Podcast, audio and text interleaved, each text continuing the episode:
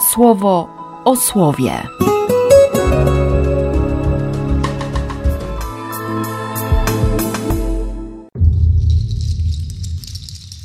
Dwudziesty dziewiąty października, sobota. Właściwie nie usłyszymy dzisiaj tych zdań od dwunastego wersetu, a warto, warto. Bracia i siostry, pragnę, abyście wiedzieli, że to, czego doświadczam, w rzeczywistości jedynie przysłużyło się rozpowszechnieniu dobrej wiadomości o ratunku w Chrystusie. Teraz już bowiem wszyscy w pałacu Cezara wiedzą, że zostałem uwięziony z powodu Chrystusa. Co więcej, dzięki moim kajdanom coraz to większa liczba braci w Panu z rosnącą śmiałością decyduje się głosić Boże Słowo. To prawda, iż jedni czynią to przez zawiść i chęć wzniecania sporów, inni jednak z uwagi na czyste pragnienie otoczenia Chrystusa chwałą. Ci ostatni, przepełnieni ofiarną Bożą miłością, rozumieją, że zostałem uwięziony dla wypełnienia wyznaczonego mi zadania ogłoszenia dobrej wiadomości o ratunku w Chrystusie najwyższym władzom imperium. Lecz ci, którzy nie kierują się czystymi pobudkami, mówią o Chrystusie tylko po to, by w ten sposób przysporzyć moim więzom jeszcze większych utrapień. Co jednak z tego wynika? Niezależnie od motywacji, jaką ktoś się kieruje, czy to obłudnie, czy szczerze, w ostatecznym efekcie Chrystus jest głoszony tu powszechnie, a to cieszy mnie najbardziej. I jeszcze ta radość potęgowana przekonaniem, że, że już niedługo Paweł zostanie w taki czy inny sposób uwolniony. No i jedyne pragnienie, które teraz ma, to, to żeby nie przynieść Chrystusowi wstydu, tylko żeby Chrystus doznał wywyższenia, czy to przez życie, czy przez śmierć Pawła. Właściwie Paweł ma w sobie pragnienie zachowania tego bardzo ważnego przykazania pierwszego przymierza. Kidusz Hashem, uświęcić imię Boga, albo męczeńską śmiercią, albo pełnym oddania życiem. Różnie to przykazanie Żydzi rozumieli na przestrzeni wieków.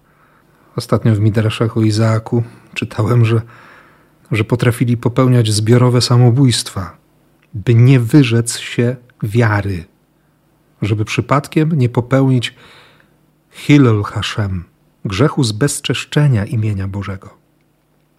Ale Paweł wie, że Hashem, imię, Szechina, obecność, to wszystko to desygnaty Chrystusa.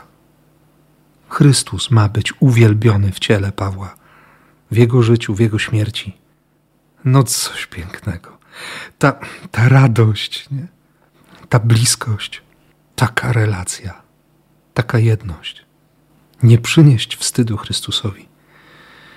Och, trudno jakoś to komentować, kiedy człowiek patrzy w lustro i, i widzi siebie Dlatego, dlatego bardzo mnie pociesza też to, co dzisiaj Jezus robi, właściwie w jaki sposób komentuje sytuację, której redaktorzy lekcjonarza nam oszczędzili między drugim a szóstym wersetem 14 rozdziału redakcji Łukasza, gdy na tej uczcie, szabatowej uczcie w domu jednego z przywódców faryzeuszy, staje nagle przed Jezusem, czy nad Jezusem, chory człowiek o słabowitym wyglądzie, no, hydropikos, nie?